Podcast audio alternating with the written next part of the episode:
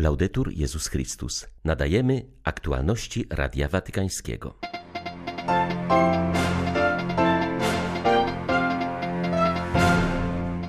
Trwa 36. podróż apostolska Franciszka. W drodze na Maltę papież przyznał, że nie wyklucza wizyty na Ukrainie. Ta propozycja jest na stole, powiedział do dziennikarzy. Przemówieniu skierowanym do władz Malty Franciszek zauważył, że mroki wojny, które nadeszły ze wschodu, to efekt imperialistycznych wizji, agresji oraz niezdolności do budowania mostów i troski o najuboższych. Na Ukrainie mamy do czynienia z grzechem Kaina, a niewinna krew Ukraińców woła ku niebu niczym krew Abla, powiedział w swoim codziennym przesłaniu arcybiskup Światosław Szewczuk. 2 kwietnia witają Państwa ksiądz Krzysztof Ołtakowski i Łukasz Sośniak. Zapraszamy na serwis informacyjny. 36. podróż apostolska papieża Franciszka odbywa się w cieniu wojny na Ukrainie i spowodowanej nią wielkiej fali uchodźców. Ojciec Święty przyznał, że rozważa udanie się do Kijowa. Ta propozycja leży na stole, odpowiedział jednemu z dziennikarzy podróżujących z nim na Maltę, który zapytał go, czy przyjmie zaproszenie.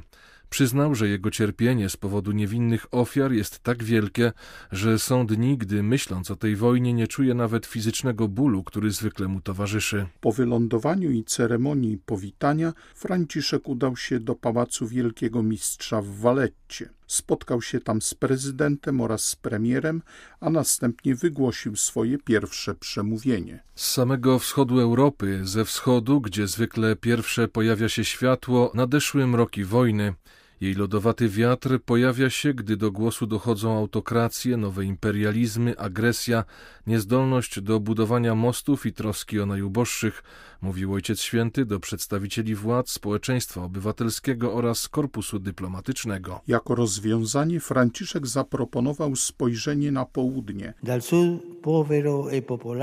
Z biednego i zaludnionego południa masy ludzi przemieszczają się na bogatą północ. To fakt, którego nie można odrzucić anachronicznymi blokadami, ponieważ w izolacji nie osiągnie się dobrobytu i integracji.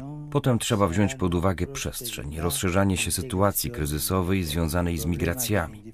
Pomyślmy o uchodźcach z udręczonej Ukrainy. To wymaga szerokich wspólnych reakcji. Nie jest możliwe, aby jedne kraje wzięły na siebie cały problem przy obojętności innych. Region Morza Śródziemnego potrzebuje europejskiej współodpowiedzialności, aby mógł na nowo stać się sceną solidarności, a nie przyczółkiem tragicznej katastrofy cywilizacyjnej. Wskazując na przykład świętego Pawła, który jako rozbitek dotarł do brzegów Malty i został ocalony, Ojciec Święty zwrócił uwagę na potrzebę odkrywania piękna służenia potrzebującym. Zaapelował, aby obojętność nie gasiła marzenia o wspólnym życiu. Wskazał następnie na wiatr przychodzący od wschodu, który często wieje o świcie. Z samego wschodu Europy, ze wschodu, gdzie najpierw wschodzi światło, nadeszły mroki wojny. Myśleliśmy, że najazdy innych krajów, brutalne walki uliczne i zagrożenia atomowe to mroczne wspomnienia z odległej przeszłości. Ale wiatr wojny, który przynosi jedynie śmierć, zniszczenie i nienawiść, wymierzył brutalny cios w życie wielu osób i w dni wszystkich. I podczas gdy po raz kolejny jakiś możny prowokuje i podsyca konflikty, Zwykli ludzie czują potrzebę budowania przyszłości, która albo będzie wspólna, albo jej nie będzie. W nocy wojny, która zapadła nad ludzkością, nie pozwólmy, by zgasło marzenie o pokoju. Ojciec Święty zwrócił następnie uwagę, że pokój rodzi pomyślność, a wojna jedynie ubóstwo. Zaznaczył, że potrzebujemy dzisiaj współczucia i troski, a nie ideologicznych wizji i pluralizmów, które karmią się słowami nienawiści, a nie mają w sercu życia konkretnego ludu. Ten infantylizm niestety nie zniknął, pojawia się na nowo, apodyktycznie w uwodzeniu autokracji, w nowych imperializmach, w rozpowszechnionej agresji, w niezdolności do budowania mostów i zaczynania od najuboższych.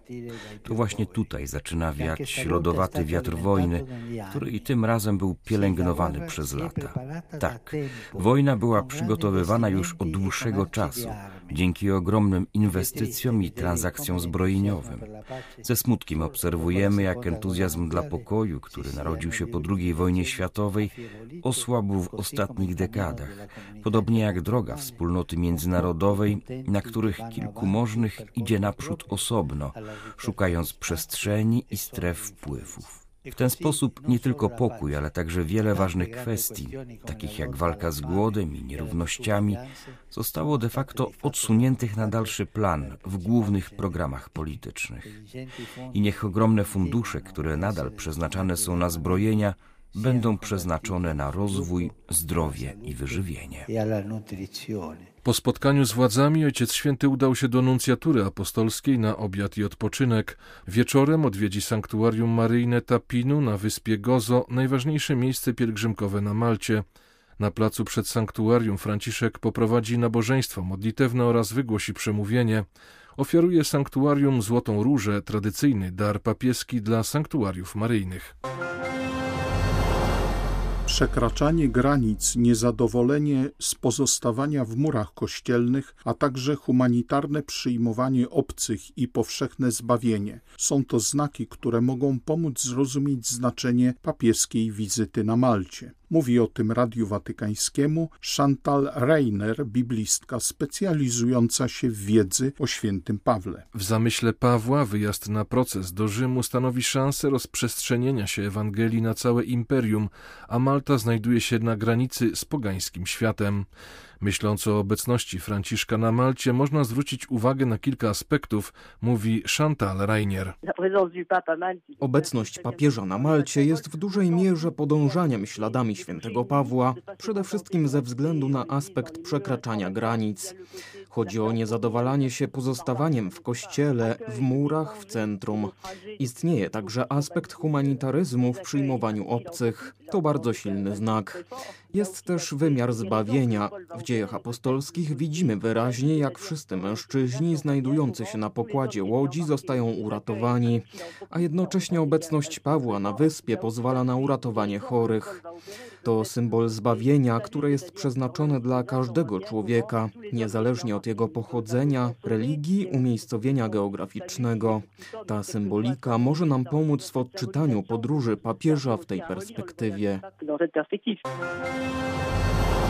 Podczas wizyty na Malcie Franciszek poświęca sporo czasu uchodźcom. Unia Europejska starała się w ostatnich latach zatrzymać migrantów w krajach pochodzenia. Musimy wypracować wspólne podejście, by Europa była bardziej gościnna. Obecność papieża to przypomnienie, że zawsze chodzi tutaj o konkretnych ludzi, a nie o liczby, powiedziała papieskiej rozgłośni Sara Zingariello, doradca jezuickiej służby uchodźcom na Malcie. Jak zaznacza Zingariello, Unia Europejska współpracuje z krajami Afryki Północnej, aby powstrzymać ludzi przed przeprawą przez Morze Śródziemne, a niektóre kraje decydują się nawet na odsyłanie łodzi z przybyszami z powrotem. Dlatego tym bardziej znacząca jest papieska obecność na wyspie. Wizyta Franciszka to możliwość, byśmy przypomnieli sobie, że choć kwestia migracji jest złożona, to zawsze musimy traktować ludzi z godnością, nie naruszając ich praw. Budzi nadzieję, że papież konsekwentnie wypowiada się w tej sprawie.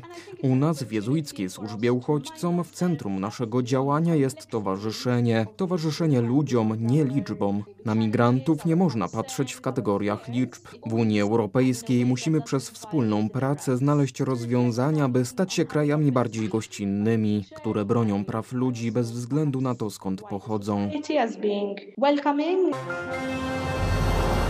Niekiedy wstydzę się tego, że jestem Europejczykiem, bo nasz rasizm jest przerażający, mówi maltański jezuita ojciec Olivier Berg. Jego zdaniem widać to po ogromnym kontraście między wspaniałym przyjęciem uchodźców z Ukrainy i odrzuceniem tych, którzy przybywają z Afganistanu, Bliskiego Wschodu czy Afryki. Przyznaje, że postawę tę widać również u Maltańczyków, których święty Paweł chwalił za gościnność, a dziś tej gościnności już nie mają. Z tego powodu, jego zdaniem, bardzo ważne jest, że w programie papieskiej wizyty znalazło się również spotkanie z migrantami. Wiem, że papież wyraził pragnienie odwiedzenia również na Malcie obozu dla uchodźców i migrantów, którzy przybywają tu drogą morską. Rząd nie był tym zachwycony, bo nasze ośrodki dla migrantów są w opłakanym stanie. Ostatecznie papież spotka się z uchodźcami na Malcie, ale w ośrodku prowadzonym przez Franciszkanów, którzy robią dobrą robotę. Panujące tam warunki różnią się jednak od tego, co jest w obozach. Mam nadzieję, że papież zostanie dobrze poinformowany o rzeczywistej sytuacji w tych ośrodkach dla uchodźców, których nasz rząd bardzo często odrzuca, twierdząc, że nie ma dla nich miejsca. Tymczasem dla Ukraińców otworzyliśmy się natychmiast i miejsce się znalazło.